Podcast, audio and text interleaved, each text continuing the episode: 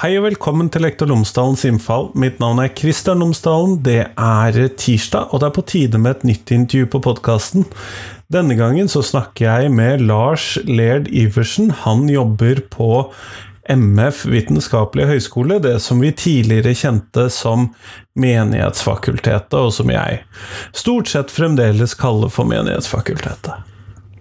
Han har tidligere vært med på podkasten om temaet Uenighetsfellesskapet, og der er nok det er nok der vi kjenner ham best ifra. Eh, men nå så har jeg snakket med han om hans nyeste bok, hvor han nettopp ser på lykkeforskning i sosiologien, og vi kobler det også opp imot livsmestringstemaet blant skolens tverrfaglige temaer.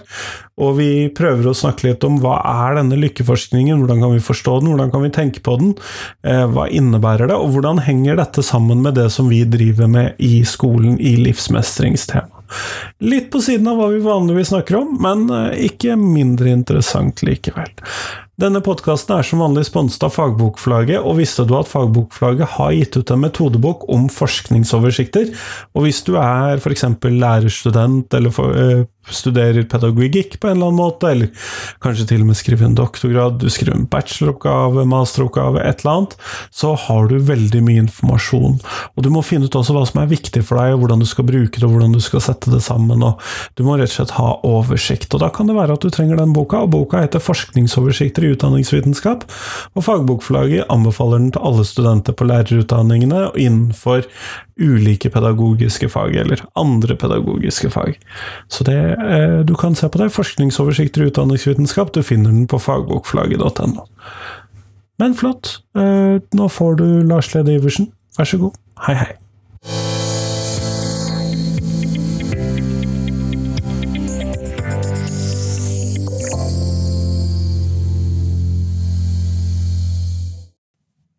Lars Lerd Iversen, tusen takk for at du har tatt deg tid til meg i dag. Bare hyggelig. Koselig å være her.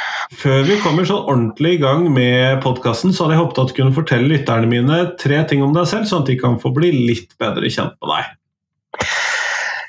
Ja. Øh, jeg har de siste åra begynt å løpe sakte i skogen. Det syns jeg har vært øh, helt supert. Så dette betyr at jeg er jo en mann i en øh, klassisk midtlivsalder. Så det er jo kanskje én ting. Um, Folk lurer på hvor jeg er fra, og det er litt vanskelig i Norge. Så jeg sier at den eneste røde tråden i livet mitt er at jeg alltid har bodd langs E18. Med familiebakgrunn i Grimstad og Tønsberg og Drammen og Askim og Bærum og Oslo. Og alt det har alltid vært langs E18, så det er kanskje nummer to. Uh, en tredje ting uh, Folk lurer på hvor mellomnavnet kommer fra, og det er et skotsk mellomnavn. Så uh, mora mi er fra en kompleks familie som generelt knytter seg til det britiske imperiet, med skotske aner, en svipp innom New Zealand. Men det betyr at jeg har rett til å være kilt, og det gjør jeg ved festlige anledninger. Så har jeg på meg en kilt. Det har jeg sett. Jeg er tidvis litt misunnelig på den retten og muligheten. Ikke sant. Vi har jo hatt med deg før på podkasten for å snakke om en av dine tidligere bøker og konsepter. Da var det jo dette uenighetsfellesskapet som du har hatt, med, hatt ganske stor suksess med, for så vidt. Eh, men mm. denne gangen nå har du begynt med lykkeforskning.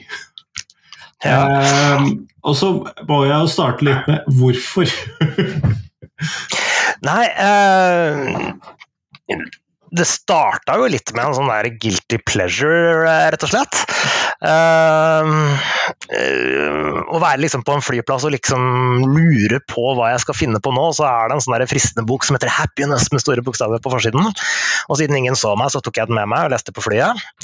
Uh, etter hvert så leste jeg flere av de, og skjønte skjønte vel at det er et skille mellom de som er mer spekulative og topplige, og en del som er mer forskningsbasert og ordentlig. Eh, så jeg ble litt interessert i det. Og så tenker jo jeg at jeg er jo ikke den eneste som er interessert i hva som bringer lykke, og hva lykke er, og så man skal forstå det. Så jeg har hatt det som en liten sånn sideline i 14 mm, år jeg, med å lese lykkeforskning på si. Uh, så da når jeg fikk muligheten til å uh, liksom profesjonalisere det litt og dra det inn i jobben, så var jo det en fin måte å kombinere glede og nytte på, syns jeg, da. Nå er jeg jo sosiolog som utdanning, og jeg tenkte jo når jeg leste mye av det, at ofte så mangler det jo et samfunnsvitenskapelig perspektiv, eller ofte så mangler det et annet type blikk på samfunnssammenhenger og strukturelle bakenforliggende uh, koblinger uh, i en del av likeforskningen, i hvert fall. Um, så jeg tenkte at jeg hadde lyst til å sette meg ned, gjøre noe mer fokusert, skrive en bok om det, så var jo inngangs inngangsvinkelen og si ok, hva skjer når en sosiolog leser lykkeforskning? Så Jeg har jo ikke bedrevet lykkeforskning, så jeg har jo lest det andre har sagt, og så reflekterer jeg over det med utgangspunkt i en, det jeg kaller en kritisk samfunnsvitenskapelig perspektiv. Mm. Og Det er jo ingen tvil om at lykkeforskning eller lykkebøker, selvhjelpsbøker, alle disse tingene har et relativt hva skal vi kalle det, individualisert eh, perspektiv. Det er jo noe litt annet enn der hvor du står som sosiolog. Ja, men det er det. Eh, og til tider så kan jo det være problematisk. Eh, eh, min klassiske eksempelet er jo på en måte hvis det var slitsomt og vanskelig på arbeidsplassen, så skal du ikke gjøre noe med arbeidsforholdene, nei, da er det å sette seg ned og meditere istedenfor, for å takle mer stress. Uh, og, og, den type innfallsvinkelen, um, det er det jo en del av i lykkeforskningen. Det er jo en god del som handler om uh, Det handler ikke om hvordan du har det, men hvordan du tar det. Uh, retorikk. Um, og det er, det er problematisk, og det prøver jeg på en måte å push against da, og, og, og, gjøre noe Si på andre måter i, i denne boka. Uh, på den annen side så tenker jeg av og til at um, Eh, det blir jo litt mye enten-eller i disse debattene. Enten så er det individet som gjør noe, eller så er det bare strukturen og politikken som kan gjøre noe med det. Eh, og jeg prøver eh, å se på hva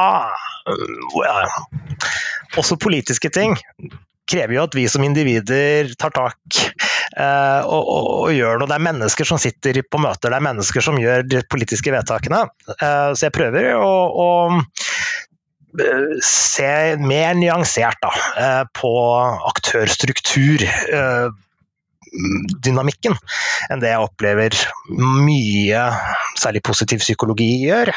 Og at en del kritisk samfunnsforskning faller litt i motsatt kreft. Da. Glemmer at det er faktisk folk som gjør disse tingene, og folk som må forandre samfunnsstrukturer, og folk som sitter og arbeider politisk eh, at, uh, det er det du og jeg og våre kropper som må møte på de stedene um, som faktisk gjør. Dette er jo særlig interessant for skolene, ettersom vi nå med de nye læreplanene så har vi jo fått inn livsmestring som et sånn tverrfaglig tema, som er en litt sånn vanskelig å definere størrelse for alle disse gode intensjonene for ting vi skal putte inn i skolen. Uh, og samtidig veldig mange viktige temaer. Så det er ikke meningen at jeg skal kimse av de ved å kalle de gode intensjoner som skal inn i skolen, fordi at mange av de har jo jeg også mast på at skal inn i skolen. mm. ja, ja. Uh, og hvordan opplever du at uh, denne lykkeforskningen har den en plass da inn i dette? Ja, hvis det blir gjort på riktig måte, så mener jeg det. Uh, ikke til forkleinelse for en hel del andre temaer, men, men, men min raske analyse av folkehelse og livsmestring, så er det en god del som går på um, altså fysisk aktivitet, og hipp hurra for det. Um, det støtter også lykkeforskninga. Uh, og så er det en god del som går på um, ja, det som på engelsk heter social and emotional learning. Um, med altså lære om følelser og, og, og, eh, disse elementene der. Um, så er det en god del som går på mental helse, psykisk helse, men uh, mye av det handler om psykisk uhelse. Uh, og alle disse tingene er kjempeviktige. Det jeg tenker lykkeforskningen gjør, er jo å se på uh, mental helse i hele spekteret. Ikke bare mot det som trekker mot diagnoser eller ting som går gærent, men er jo en grunnleggende forståelse av hvordan vi mennesker måte er skrudd sammen. Da, hva som gjør oss lykkelige, hva som gjør oss bra. De positive psykologene sier at liksom, den vanlige psykologien har tatt seg fra null og nedover til minus, mens den positive psykologien handler om fra null og opp. Det er ikke det perspektivet jeg vil ha. Jeg vil si at lykkeforskning handler om liksom hele menneskelivet. Uh, men jeg er jo ikke psykolog og driver jo ikke med diagnostikk og uhelse, men, men lykke, er, lykke er navnet på den ene enden av denne skalaen. Mens vi forholder oss jo egentlig fra uh, hele spekteret av menneskelig velvære, fra å ha det dårlig til å ha det veldig bra.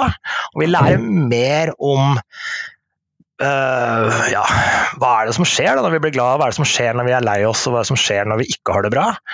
Og kanskje også noen ideer om hva som kan gjøres for å flytte andre, kanskje særlig. Eh, helst oppover på en sånn skala. Eh, så jeg tenker at dette her er relevant. Noen av tingene kan jo til og med finne veien inn i klasserommet.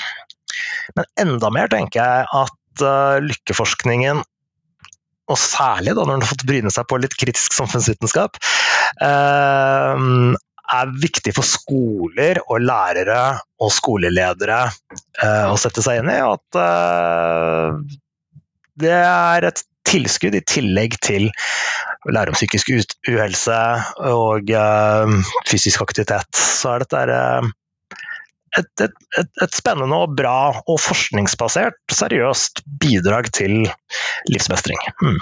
Fordi at Da handler det kanskje ikke så mye om hva vi skal lære elevene, men om hvilke prinsipper som skal forme skolen. Er det der du er da, da, eller? Ja, øh, og jeg tror jo at mye av det som ligger under allerede skjer hos rektorer og lærere, men, men her kan vi kanskje få flere ord på det, og man kan kanskje gå fra å tenke intuitivt eller anekdotisk til å være mer forskningsbasert på hva som kan fungere, og hvordan det kan fungere. Uh, hva som ender opp i Grunnen til at jeg er litt jeg er ikke skeptisk, litt uh, tilbakeholden da, med å tenke at dette skal rett ut i undervisning til elevene, er jo litt den Da blir det jo fort nye byrder og nytt ansvar som lempes på barnas skuldre. Uh, og i tillegg så er det en del forskning som viser at uh, det å lære mer om lykke gjør ikke deg selv lykkelig, men det å vite hva som gjør andre lykkelige, kan ha noe å si, da. Uh, ja, og det, jeg liker jo det også, at det er jo triveligere og, og, mer sympatisk å prøve å gjøre andre lykkelige enn å fokusere på seg selv. Um, og det løfter jo forhåpentligvis da, et helt skolemiljø eller et helt klassemiljø. Um, tenker jeg, å, å, ha enda litt mer kunnskap om, om, uh, om lykkeforskning.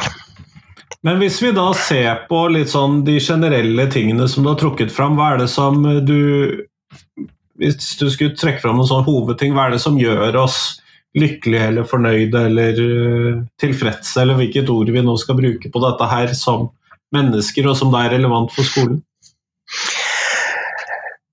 Ja, um måten jeg bygde opp boka på. Jeg kan jo egentlig gå gjennom disse her fem kapitlene og si hoved... Uh, og, og, og, si overskriftene på de, fordi de er på en måte uh, de tingene jeg har lyst til å løfte frem.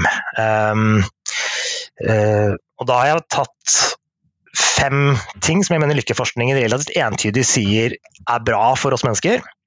Um, det finnes andre ting som lykkeforskningen sier er bra for mennesker, men jeg valgte ut disse fordi jeg tenker de er spesielt interessante for et møte med uh, samfunnsvitenskapen.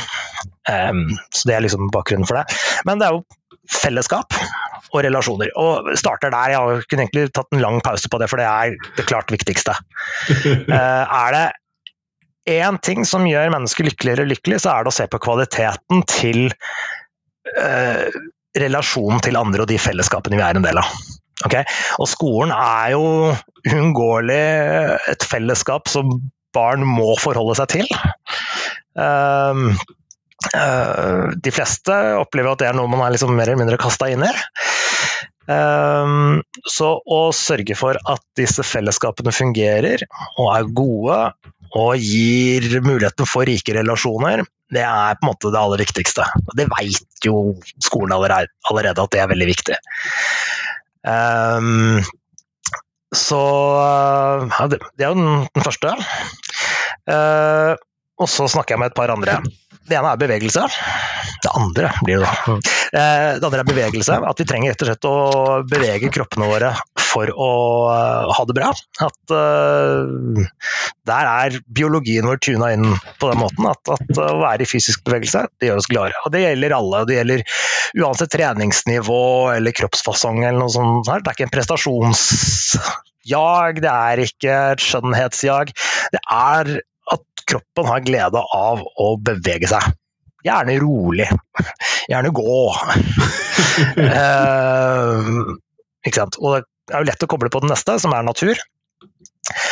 Eh, vi er biofile. Vi liker å omgi oss med natur.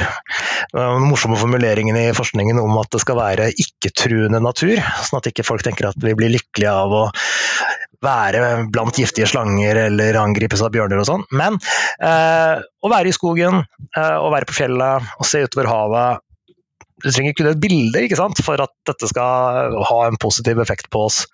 Eh, en klassisk studie eh, som var å eh, sammenligne folk som var på sykehus etter operasjoner.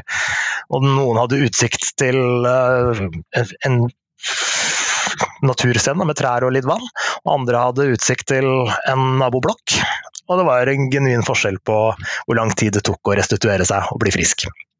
Um, så dette her er et veldig nederlandsk forskningsprosjekt. Så på hvor langt folk bodde unna bare en grønn park i en by. Det var liksom helt entydig kobling mellom helse og tilfredshet i livet basert på hvor langt unna du bodde, hvor langt det var til nærmeste grønne park. Det er jo veldig spesielt, da. Og så er det jo lett å tenke seg når man tenker seg litt om og bare gjør en litt sånn Jo, jo, jeg kan jo se det, men det er jo veldig spesielt likevel. Det er fascinerende entydig, tenker jeg. Og Det er sjelden da, tenker jeg, at, at samfunnsvitenskapen og psykologien kommer fram til så innmari tydelige svar, men den der at vi har nature deficient altså, vi har for lite natur i livet vårt, er rimelig entydig, altså. Uh, så uteskole oppleves jo uh, litt sånn, sånn 70-tallsk og gammeldags, men det er knallhardt forskningsbasert at det er bra for trivsel og bra for velvære, og bra også tror jeg for læring og konsentrasjon. Det de gjør, er jo at det hjelper oss å lade opp fylle batteriet i hjernen. Uh, de, de, gjør det på oppmerksomheten vår, og de gjør noe med energinivåene våre. Uh, som er fascinerende. Skal vi se. Så den fjerde elementet jeg trekker fram, er oppmerksom tilstedeværelse. Og det er jo å finne de anledningene hvor vi går fullt og helt inn i noe av muligheten til å fokusere og konsentrere oss om det. Og de øyeblikkene er bra for oss. Og vi opplever mye av det, så har vi det bedre. Uh, og jeg ser for meg en klatrer som må være fullstendig til stede på hva kroppen gjør i den klatreveggen, eller ute på en uh, for, for, å få det til. Jeg ser for meg noen som spiller sjakk. Uh, og jeg merker det jo når jeg sa at jeg løp i skogen. Uh, noe av det deiligste med det er jo å kunne være til stede i akkurat det jeg driver med akkurat der og da. Det jeg ikke skriver om i boka, som jeg kanskje burde ha gjort, er skjermer. Uh, ja, og jeg tenker jo at uh, her er skjermer en uh, lykketyv. Det gjør, gjør, det vanskeligere for oss å være fullt og helt til stede i det vi driver med. Jeg merker det sjøl. Jeg er helt elendig på å følge med på den mobilen og på at en pling må jeg sjekke og, og disse tingene her. Og det suger uh, tilstedeværelse og uh, oppmerksomhet bort fra oss, altså. Uh, I det kapitlet der så har jeg også en diskusjon om mindfulness og mindfulness i skolen. og meditasjon. Og det er jo interessant, tenker jeg det. Ehm, om uh, hva, kan vi lære av religioner, tenker jeg, og religiøse tradisjoner? Også folk som ikke er medlemmer av en religiøs tradisjon, eller medlem av en annen religiøs tradisjon.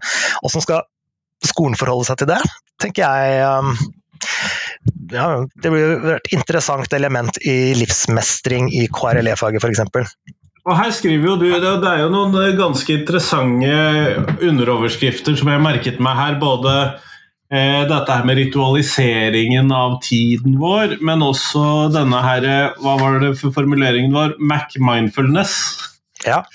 Kunne du si litt mer om de to?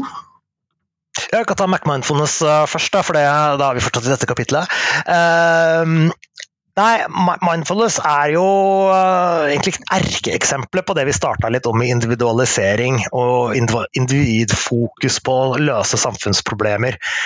Uh, mindfulness er jo opprinnelig en buddhistisk og hinduistisk praksis. Det er særlig den buddhistiske formen som har reist i Vesten og uh, blitt populær. og er blitt en til dels svært populær avspennings- og tilstedeværelsesøvelse, som også har blitt drevet inn i Uh, en verden med næringslivsledere og coacher og uh, stressmestring. Uh, og da er det en god del forskere som har sett på og kritisert denne skal jeg si, kommersialiseringen eller uh, næringslivsifiseringen av en religiøs tradisjon. Det høres ut som veldig kritisk til næringslivet, men vi skal komme tilbake til det. Uh, Uh, hvor mindfulness blir en slags individuell um, Nok en ting du skal mestre, i tillegg og, og, og lemper ansvaret for stressende arbeidssituasjon ikke på at det er situasjonen som er problematisk, men på at du og jeg må bli bedre til å takle det, og at mindfulness kan være en, en middel til det. Så Derfor uh, kom begrepet Mac-mindfulness opp, ikke sant? at mindfulness blir misbrukt. da. Uh, som et verktøy for å opprettholde høy produktivitet og effektivitet. Uh, og det var um, ja, det er flere ting som er gærent med det. Fra de opprinnelige religiøse tradisjonene så vil det være liksom det motsatte av det man så for seg skulle være den opprinnelige eh, intensjonen. Eh, men jeg tenker også fra et uh, sånn lykkeforskningsperspektiv så blir det jo her kritikerne av lykkeforskningen får rett. Da. at dette kan bli en dette opprettholder en del ting som er kjipt i dagens arbeidsliv og dagens samfunn, som nettopp peker på press, på individualisering, på effektivitet, på lønnsomhet, og, og mister øh, mister andre ting som, som er viktigere for oss da, av, av syne. Men det er Så alt dette er riktig, og McMindfulness er en reell kritikk. Samtidig så er jo da forskningen relativt tydelig på at de som får til en god meditasjonspraksis eh, Det er ikke alle som gjør det. Eh, det er bra. Det hjelper deg. Det gjør at du får mer overskudd, og at du får mer måte, plass og rom i huet. Uh, uh, og, og, hjelper da på tilfredshet og lykke. Uh, så hva skal man si om det? Jeg ender jo opp med å si at uh, mindfulness har jeg troa på for ganske mange. Så viser det seg at uh, for noen så funker det ikke i det hele tatt, og for noen få så kan det være negativt. Så det er ikke noen sånn pille som funker for mange, men det funker for mange nok. Og for noen så funker det veldig bra til at det kan være verdt å prøve. Og jeg har ikke noe imot at skoler legger til rette for å prøve ut hvordan det er. Det er ikke noe, det er ikke noe gærent, det. Um, men man skal være veldig forsiktig med hvilken retorikk man legger det rundt seg. Uh, man legger rundt det, og jeg tenker nesten Det aller verste er jo sånne som meg, som blir utsatt for mye mindfulness-retorikk om hvor bra mindfulness er og hvor mye det vil hjelpe meg, og som ikke klarer å opprettholde en praksis. uh, Uh, så, så, det er jo på en måte et trekk som går igjen ganske mye av boka. At du har en praksis eller et eller annet du kan gjøre som er uh, lykkefremmende. Og rundt denne positive praksisen så dukker det ofte etter hvert opp måter å snakke på, måter å tenke på, uh, sånn kulturelt ekstra lag, som er fort skadelig. Vi hadde samme fysisk aktivitet, hvordan det fort blandes inn i konkurranse og kropps- og skjønnhetsidealer. Vi hadde det samme om uh, natur, hvor det fort kan bli blanda inn i um, ja, Høyeste fjelltopp og lengste høyeste, tur og Ikke sant. At det blir prestasjoner og nye Instagram-bildene, og også kanskje en idé om norskhet og kanskje elitepreg um, som ekskluderer folk fra natur, istedenfor å inkludere folk eh, i natur. Uh, og uh, ja, på et enda mer grunnleggende plan så tenker jeg fellesskap er viktig for oss, men vi opplever jo ikke fellesskap uten at noen står utenfor det fellesskapet. Det tenker jeg Du har ikke et oss uten et dem. Uh, og den tosidigheten, da.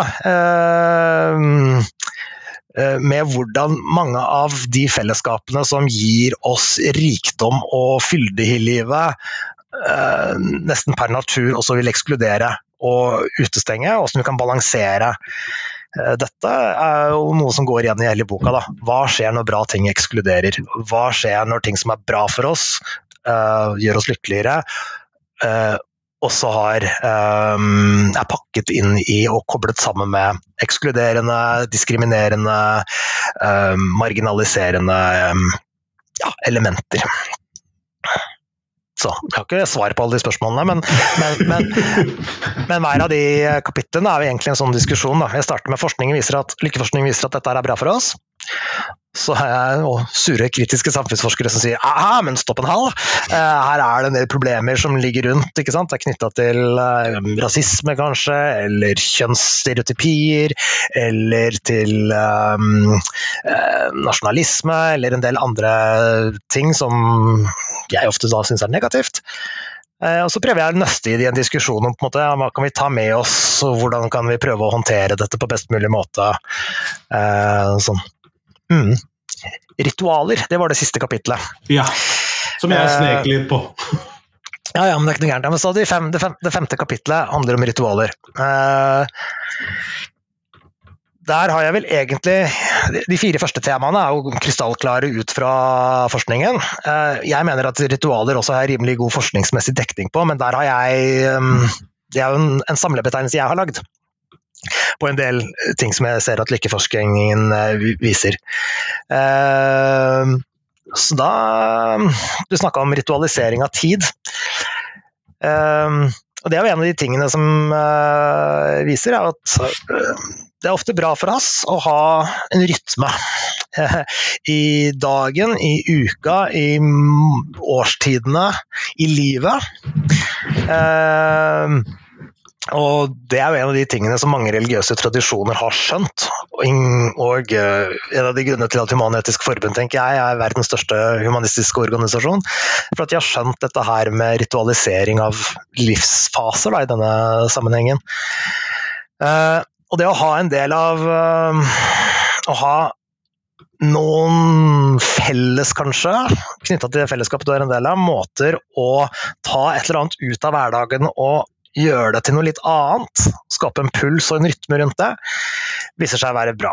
Um, så ja, uh, der trenger vi noe annet enn skolegudstjenesten, og vi trenger noe annet enn uh, Vi trenger noe annet enn uh, Ja, jeg vet ikke, jeg. Men, men, men, jeg tror skoler, og for så vidt mange andre institusjoner i samfunnet gjør lurt i å ha noen ukesrytmer, noen årsrytmer og noen feiringer og noen uh, sider av livet og dagen og året som er litt mer opphøyd, på en måte. Uh, hvis vi kan få til uh, den følelsen av um, å ritualisere ting, noen ting, så kan det være positivt. Det trenger ikke å bli stivt, det trenger ikke å bli en sånn derre ensrettende greie. Tvert imot tenker jeg gode, gode ritualer har en viss sånn um, fleksibilitet i seg som gjør at man får muligheten til å improvisere over et tema som man likevel er felles, da. Um, um, ja, så, jeg har troa på det, altså at, um, at uh, dette kan lærere og skoleledere måtte tenke litt over jeg, mens jeg skrev det, så ble jeg veldig inspirert av en, uh, en bok av en fyr som heter Kasper Terkaile, som skrev om The Power of Ritual. Og egentlig hans prosjekt er um, hvordan man kan lære av religiøse tradisjoner uten å være en del av det. Og jeg ble blir overbevist av mye av det han skriver. Altså. Så han skriver om f.eks. Uh, ta tilbake helligdagen. Du trenger ikke å ha noen tradisjon, men gjør et eller annet ut av den. Og det han gjør, er å ha skjermfri lørdag. Tech-sabbath kaller han det. uh, og det er uten å uh, være en del av noen jødisk tradisjon sjøl. Uh, så det, det er det femte kapitlet, da. Ritualisering. Mm.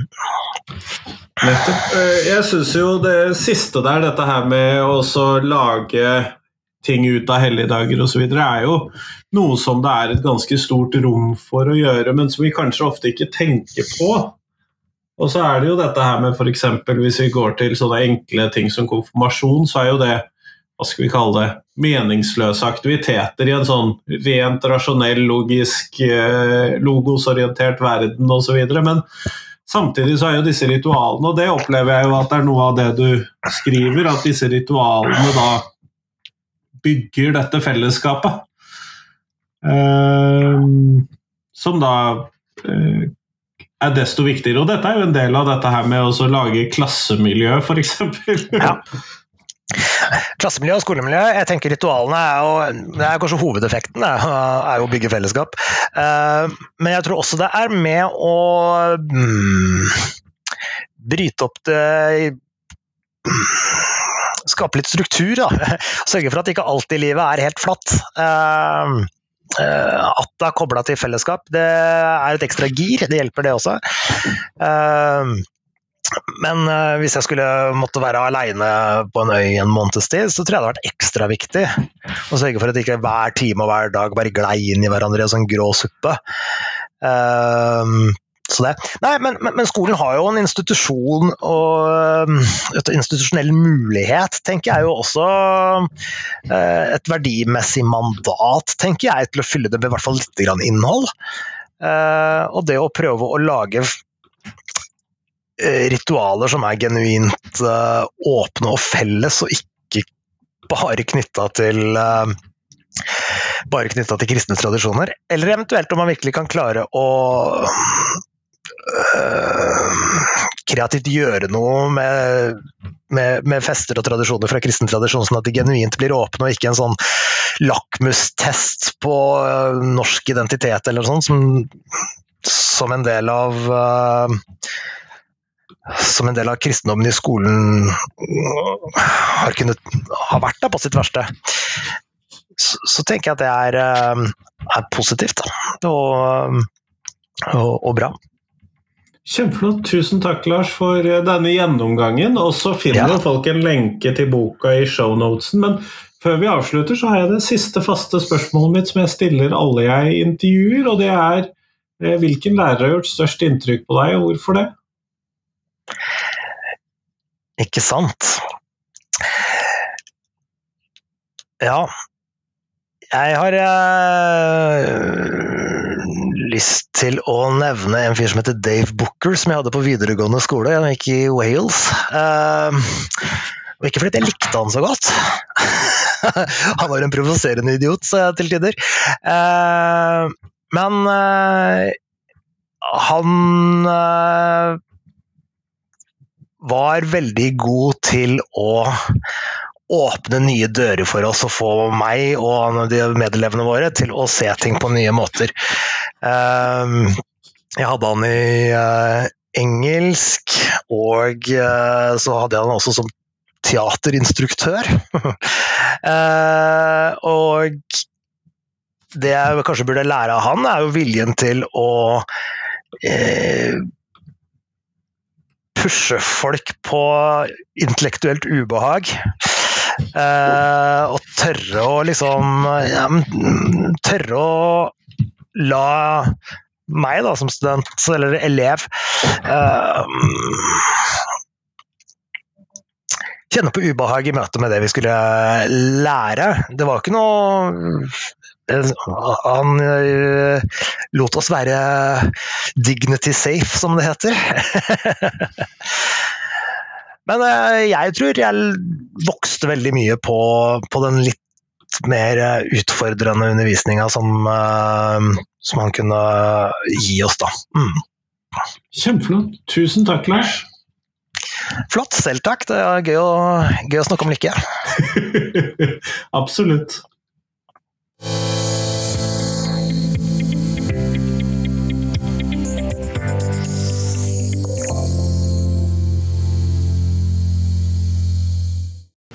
Tusen takk til Lars, og tusen takk til deg som hørte på. Nå er det fram til fredag, så kommer det en reprise på podkasten. Og denne gangen skal jeg faktisk holde meg til programmet. Det blir en reprise på podkasten. Og da handler det om samfunnsfagene. Jeg gleder meg til det. Eh, så det er på fredag. Neste tirsdag derimot så kommer det en ny episode på podkasten. Og det blir en episode med Arnstein Follesø. Og han eh, jobber i PPT Bergen, og vi skal se på vernepleieren, vi skal se på autismespekterdiagnoser, andre diagnoser, tilpasninger i skolen osv. Og, så og det gleder jeg meg til. Ellers, podkasten den fortsetter som vanlig gjennom hele sommerferien. Vi tar ikke ferie her på Lektor Lomsdal Dødsdalens innfall, det, da ville jeg havnet altfor mye bakpå med å publisere alle disse spennende episodene mine. Så jeg gleder meg til du får høre også gjennom hele sommerferien. Men del podkasten min med noen som du tror vil sette pris på den. Jeg vil i hvert fall sette utrolig stor pris på det. God sommer.